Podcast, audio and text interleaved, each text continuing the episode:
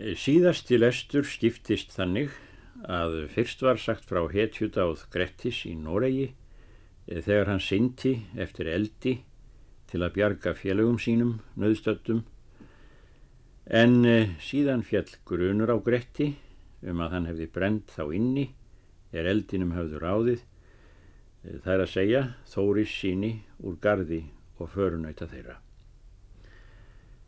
Þá var líst mishefnuðum til raunum hans til að hreinsa sig af ílmælinu og fleiru sem gerðist í Noregi. Þá vek sögunni heim til Íslands og var greint frá fjandskap Þorbjarnar Öksnamegins í Hrútafyrði og Þóris Sona frá Skarði í Haukadal í Dölum við alla á bjargi sem leiti til falls þeirra bræðra. Fertugasti og fjórði kapitúli Þorbjörn Öksnamegin tók við eftir máli um víg Þórissona. Bjó hann málið til á hendur þeim grími og alla, en þeir bjúku til varna um atfarir og frumhlaup til óhelgi þeim bræðrum. Voru málin lögð til húnavats þings og fjölmentu mjög hvorur tvekju var það alltaf gott til liðs því að hann átti frænd afla mikinn. Gengu þá að begja vinir töluðum sættir og sögðu allir að alla væri vel farið, ótilleitinn en þó örugur í einangri. Þóttist Þorbjörn sjá að eigi myndi annað virðingar vætna en taka sættinni. Skildi allir það til að hann vildi hvorki hafa hér að sektir nýja utanferðir. Voru þá teknir menn til gerðar Þorvaldur Áskersson fyrir hönd alla en af Þorbjarnar hendi var Sölvi hinn prúði. Hann var sonur Ásbrands Þorbrandssonar Haraldssonar Hrings er numið hefði vatsnes allt utan til ambáttar ár fyrir vestan en fyrir austan allt inn til þver ár og þar yfir um þvert til bjargás og allt þeim megin bjarga út til sjávar. Sölvi var ofláti mikill og vitur maður og því kjöri Þorbjörn hann til gerðar fyrir sína hönd. Og eftir það sögðu þeir upp gerðina að þá Þórissonu skildi bæta hálfum bótum en hálfar fjallu nýður fyrir atför og frumhlaup og fjörráð við alla. Víg hús Karls Alla, þessir drepin var á Rútafjörðarhálsi, stóðst það á endum og þeirra tveggja er fjallu með Þórissonum. Grímur Þórhalsson skildi láta hér að svist sína, en allir vildi einn halda upp fjebótum. Þessi gerð líkaði alla vel, en Þorbirni heldur ítla og skildu þó sáttir að kalla. En þó hraud það upp fyrir honum Þorbirni að eigi myndi fyrir enda umgjert með þeim ef svo færi sem hann vildi. Allir reið heim af þinginu og þakkaði Þorvaldi vel fyrir liðveistlu sína. Grímur Þórhalsson reðst þá söður í Borgarfjörð og bjóð þá á Gilsbakka og var gildur bondi. 45. kapitúli Sá maður var með Þorbirni Öksnamegin er áli hétt. Hann var húskarl og heldur ógæfur og vinnulítill. Þorbjörn bað hann starfa betur, eðla hveðst hann myndu lemja hann. Áli hvaðst þess enga fýst hafa og var hinn kýpnasti í móti. Þorbjörn hvað hann eigi annað þóraskildu. Hinn let ekki sitt orð minna, þar til er Þorbjörn þóldi honum eigi og rak hann nýður undir sig og fór með hann illa. Eftir það hljóp áli brott úr vistinni og fór norður yfir háls til miðfjörðar. Letti eigi fyrir hann kom til bjargs. Alli var heima og spurði hvert hann skildi fara. Hann hvaðst leita sér vistar. Ertu eigi vinnum aður Þorbjarnar? Hvað allir? Egi fór það svo keipilega með okkur, sagði Áli. Ég var þar eigi lengi, en mér þótti ílt meðan ég var. Skildum við svo að mér þótti hann ekki vel syngja að kverkum mér og mun ég þangað aldrei fara til vistar hvað sem annað verður af mér. Er það okk satt að mikill munur er hvorum ykkar verður betur til hjóna sinna. Vildi ég gerna nú vinna hjá þér ef þess væri kostur. Allir svarar. Nóa hef ég vinnumenn þó að eigi seilist ég í hendur Þorbyrni til þeirra manna er hann hefur ráðið. En mér þykir þú þollaus og far aftur til hans. Áli mælti, þar kem ég eigi, ónauður. Nú dvaldist Álið þar um stund. Einn morgun fór hann til verks með þeim húskörlum alla og vann svo að hvaðan æfa voru á honum hendurnar. Lét Áli svo ganga fram á sömarið. Alli lagði ekki til hans en let þó gefa honum mat því að honum líkaði starfin vel. Þorbjörn frétti nú að Áli er á bjargi. Hann reið þá til bjargs við þriðja mann og kallaði alla til tals við sig. Alli gekk út og heilsaði þeim. Þorbjörn mælti. En viltu endur nýja við mig alli um mótgang og áleitni? Eða hví hefur þú tekið vinnumann minn? Og er slíkt óskilslega gert. Allir svarar. Ekki er mér það sínt að hann sé þinn vinnumadur, en ekki vil ég á honum halda ef þú sínir skilríki til að hann sé þitt hjón, en ekki nenni ég að draga hann úr húsum út. Þú munt ráðað sinni, saði Þorbjörn, en kref ég mannsins og fyrirbýð ég vinnu hans. En koma mun ég annað sinn og er eigi víst að við skiljumst þá betri vinir en nú. Allir svarar. Heima mun ég býða og taka við því sem að höndum kemur. Síðan reið Þorbjörn heim. En er verkmenn komu heim um kveldið, segir allir þá viðurtal þeirra Þorbjarnar og bað Ála fara leið sína og sagðist ekki vildu dvelja vist hans. Áli svarar. Satt er hið forn hvaðna. Ofleifingjarnir bregðast mér mest. Það er þeir sem oflof hafa hlotið. Og ætlaði ég það eigi að þú myndir nú reka mig á brottu þar sem ég hef unnið hér til sprengs í sumar og vonað til þess að þú myndir mér nokkra forstöðu veita. En þann veg farið þér, þó að þér látið all góðvænlega. Nú skal mig hér lemja fyrir augum þér ef þú vilt mér enga hjálp veita. Alla gegst hugur við umtal hans og nenti nú eigi að reka hann á brottu frá sér. Leið nú þar til er menn tóku til sláttar Það var einn dag, nokkru fyrir miðsumar, að Þorbjörn Öksnamegin reið til Bjargs. Hann var svo búinn að hann hafði hjálm á höfði og girður við sverð og spjót í hendi. Það var fjadraspjót og breið mjög fjöðrin. Væta var út um daginn. Alli hafði sendt húskarla sína til sláttar en menn hans sumir voru norður við horn til abla. Alli var heima og fáir menn aðrir. Þorbjörn kom þar nær hádegi um daginn, hann var einn í ferð og reyðað út í dýrum. Aftur var hurð, en engin menn úti. Þorbjörn drap á dýr og fór síðan á bak húsum, svo að mátti eigi sjá hann frá dýrónum. Heimamenn heyrðu að barið var og gekk út kona einn. Þorbjörn hafði svip af konunni og let ekki sjá sig því að hann ætlaði annað að vinna. Hún kom í stofu. Allir spurði hvað komið var. Hún hvaðst ekki hafa séð komið úti.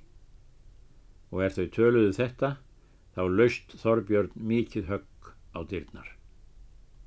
Þá mælti allir. Mig vil sá finna og mun hann eiga erindi við mig hversu þart sem er. Gekk hann þá fram og út í dyrnar. Hann sá engan úti. Væta var úti mikil og því gekk hann eigi út og helt sinni hendi í hvornu dyrustafinn og litast svo um. Í því byli snaraði Þorbjörn fram fyrir dyrnar og lagði tveim höndum til alla með spjótinu á honum miðjum svo að stóði gegnum hann.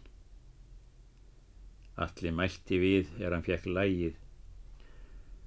Þau týðkast nú hinn breyðu spjótin, segir hann. Síðan fjall hann fram á þröskuldin. Þá komu fram konur er í stofinu höfðu verið. Þær sá að allir var döður. Þá var Þorbjörn á bak kominn og lísti víin á hendur sér og reið heim eftir það. Ástís húsfreyja sendir eftir mönnum og var búið um líkalla og var hann jarðaður hjá föður sínum. Hann var mjög harmdauði því að hann hafi verið bæði vitur og vinsæl. Engin komu fram fjegjöld fyrir vígalla en það byttist engin bóta því að Grettir átti eftirmálið ef hann kæmi út. Stóðu þessi mál kyrr um sumarið. Var Þorbjörn lít þokkaður af þessu verki og satt þó um kyrrt í búi sínu. Fertuastu og sjötti kapitúli Þetta sumar er nú var frá sagt kom skip út fyrir þing á gásum. Var þá sagt frá ferðum Grettis. Þar með sögðu þeir um húsbrennuna.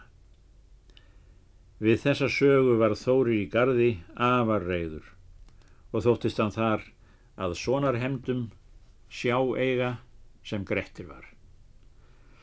Reið Þórir við fjölmenni mikið og reyfði á þingi brennumálið en menn þóttust ekki kunna til að leggja meðan engin var til svara. Þórir hvaðst ekki annað vilja en Grettir væri sekur ger um allt landið fyrir slík óverkun. Þá svarar skafti lögsögumadur. Víst er þetta ílt verk ef svo er sem þetta er sagt. En jafnan er hálsögð saga ef eitt segir því að fleiri eru þess fúsari að færa þangað sem eigi ber betur ef tvent er til. Nú mun ég eigilegja úrskurð á að Grettir sé sekur gerum þetta að svo geru. Þórir var maður hér aðs ríkur og höfðingi mikill, en vinsætla mörgur stórmenni, gekk hann að svo fast að engu kom við um síkn Grettis.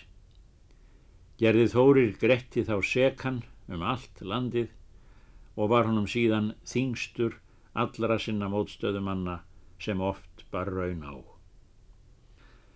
Hann lagði þá fér til höfuðsvonum sem öðrum skóarmönnum og reið við það heim. Margir mæltu að þetta væri meir gert af kappi en eftir lögum, en þó stóð svo búið, varð nú tíðindalöst fram yfir miðsumar. Fertuasti og sjöndi kapitúli Að áliðnu sumri kom Grettir Ásmundarsson út í Hvítá í borgarfyrði. Fóru menn til skip sem hér aðið. Þessi tíðindi komu öll senn til Grettis. Það fyrst að fadir hans var andaður, annað það að bróðir hans var veginn, það þriðja að hann var sekur ger um allt landið. Þá hvað grettir vísu þessa. Allt kom senn að svinnum, sekt mín, bragar tíni. föður skal drengur af dauða, drjú hljóður og svo bróður. Þó skal margur í morgin, mótrunnur hérðins snótar, brjótur, um slíkar sútir, sverðs, daprari verða. Hann minnist hér alls þessa mótlætis en segir þó að margur skuli verða daprari við slík sorgartíðindi en hann. Svo segja menn að Grettir brygði engan veg skapi við þessar fréttir og var jafn gladur sem áður. Nú satt Grettir við skip um hríð því að hann fekk engan fararskjót sem honum gaf stað. Sveinn hétt maður er bjóað bakka upp frá Þingnesi. Hann var góður bóndi og kátur maður og hvað oft svo að gaman var að. Hann átti meir hissi eitt, brúntað lit, allra hrossa skjótast. Það kallaði Sveinn söðulkollu. Grettir fór eina nótt brott af völlum, því að hann vildi eigi að kaupmennirðu varir við. Hann fekk sér svartan kuppl og steifti utan yfir klæði og duldist svo. Hann gekk upp hjá Þingnesi og svo upp til bakka, var þá ljóst orðið. Hann sá brúnt ross við túnið og fór til og lagði við beisl, stí á bak og reið upp með hvítá fyrir neðan bæ og svo til Flókadals ár og svo upp á götur fyrir ofan Kálvanes. Vinnumenn á bakka stóðu upp í þann tíma og sögðu til bonda að maðurinn var á bak komin. Hann stóð upp og brosti að og hvað. Í kviðlingnum getur sveitn eh, þessa hrossaþjófnaðar, segir mannin hafa burði til fleiri svaðilverka, þetta hafi verið slæmur grikkur. Síðan tók hann hest sinn og reið eftir. Grettir reið þar til er hann kom upp fyrir bæin á kroppi. Þar fann hann mann er nefndist Halli og hvaðst fara skildu ofan til skips á völlu. Grettir hvað vísu.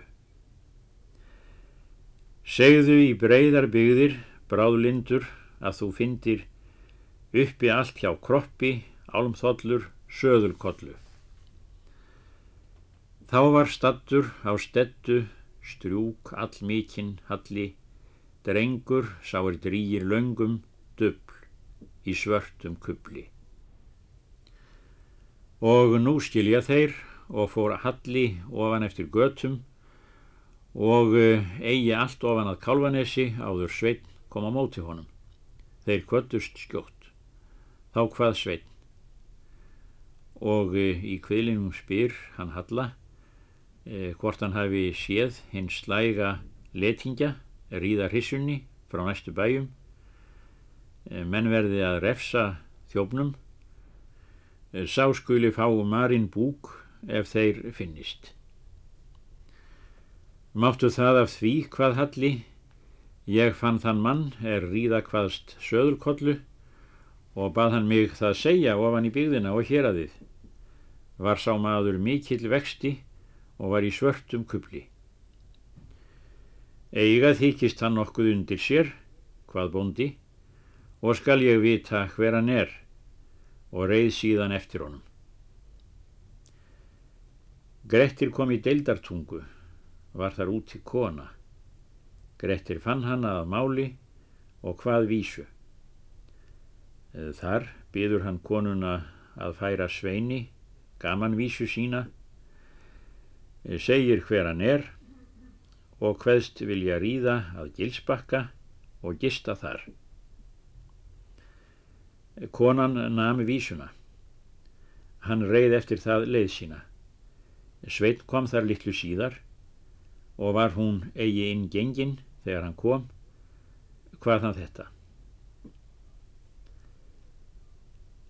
Hver reið hóti fyrri hérðan í rústu veðri hart á rossi svörtu, hjörgráðs bóði áðan. Hann mun heldur að sönnu hund eigur í dag undan, djarfur er dáðum horfin, drengur sá, rekast lengi. Hún sagði þá slíkt sem henni var kjent. Hann hugsaði vísuna og mælti. Ég er ólíklegt að þessi maður sé eigi mín leika, það er meðfæri. En þó skal ég finna hann. Reið hann nú eftir byggðinni og sá jafnan hvor annars ferð. Veður var bæði hvast og vott. Grettir kom á gilsbakka um daginn og er Grímur Þórhalsson vissi það, fagnaði hann hardla vel honum og bauð honum með sér að vera. Hann þekktist það. Hann let lausa söðulkollu og sagði Grími hversu hún var tilkomin. Þá kom Sveinn og stí af baki og sá þar hrossitt. Hann hvað þetta? Hver reið hrissu vorri? Hver verður raun á launum? Eh, hver sá hvinn hið stærra? Hvað mun kuplbúinn dubla? Grettir var þá farin af vorsklæðum sínum og heyriði stökkuna. Heim reyði hrissu að grími. Hann er gildur hjá kotmanni. Það muni eg launa litlu látt okkur vera sátta.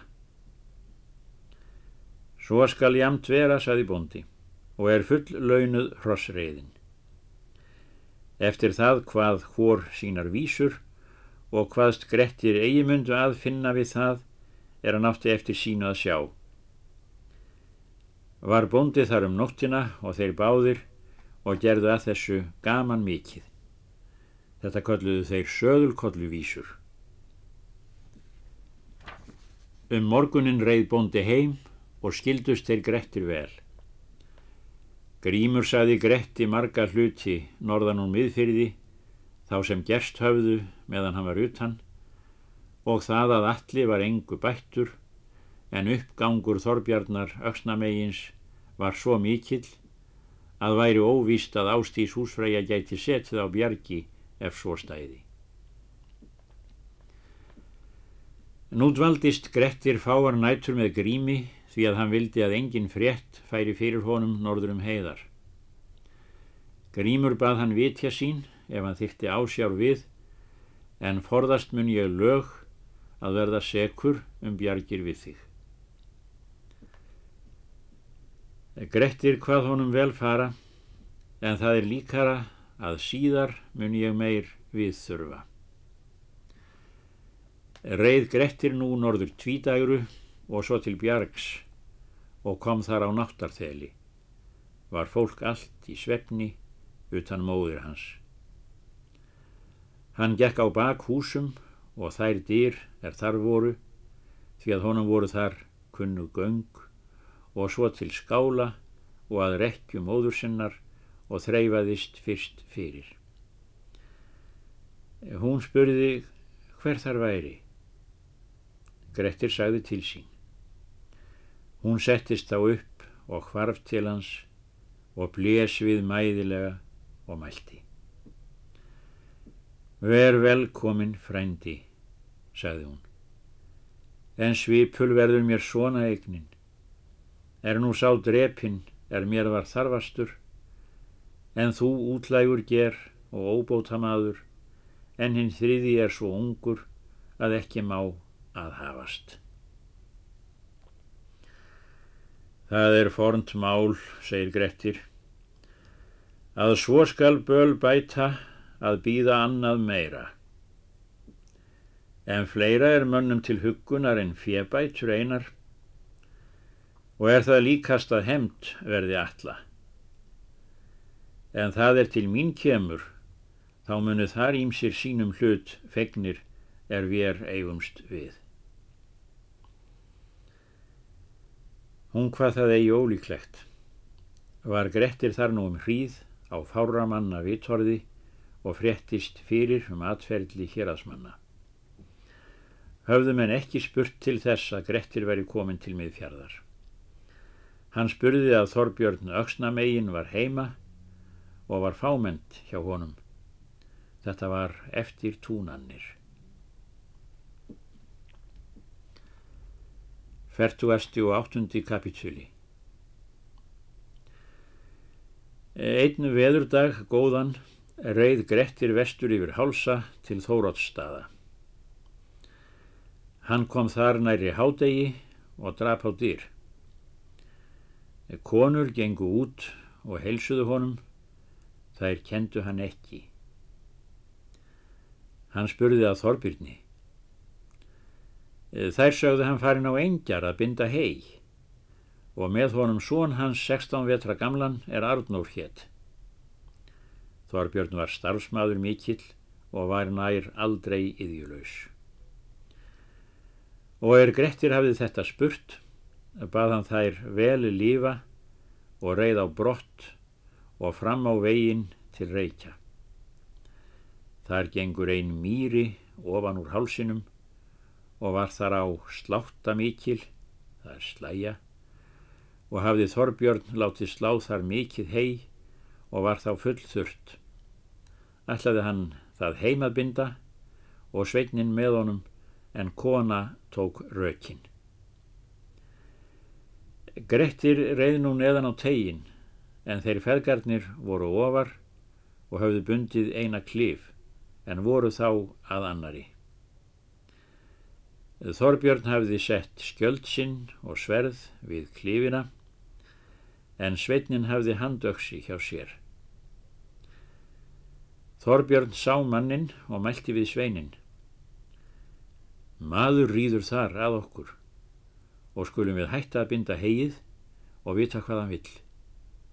Og svo gerðu þeir. Grettir stíaf baki.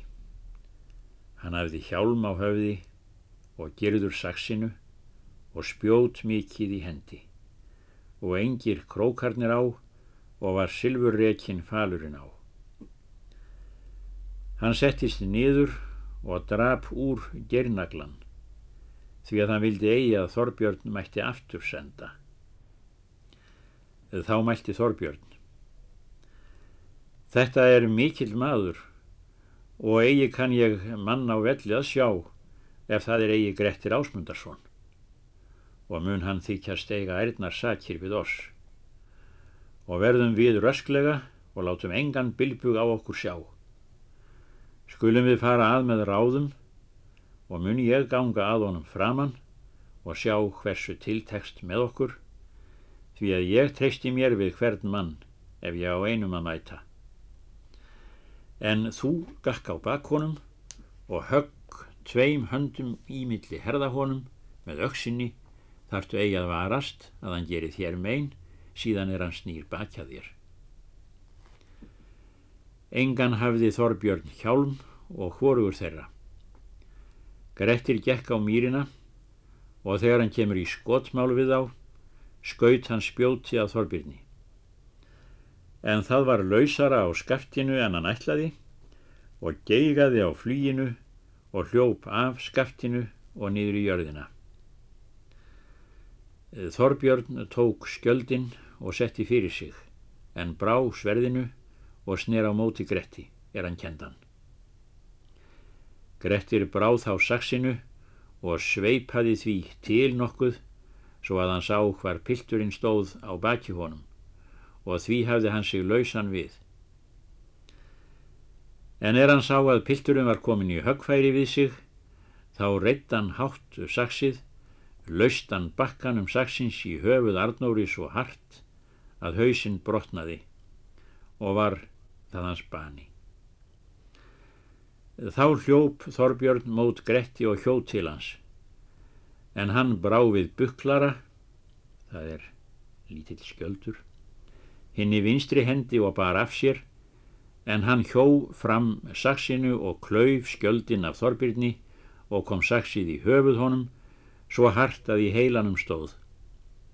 Fjallan af þessu döður nýður. Ekki veitti Grettir Þorbjörni fleiri áverka. Leitaði hann þá að spjóti sínu og fann eigi. Gekk hann þá til hests síns og reið út til reykja og lísti þar vígunum. Kona svo er var á engi tegnum, sá á vígin. Hljóp hún þá heim, felmts full og sagði að Þorbjörn var veginn og þeir báðir feðgar. Þetta kom mjög á þá óvara er heima voru því að engin vissi um ferðir Grettis. Var þá sendt eftir mönnum á næstu bæi, kom þar brátt margt manna, færðu líkin til kirkju. Þóróttur drápustúfur tók við eftirmáli um vígin og hafði hann þegar flokk uppi.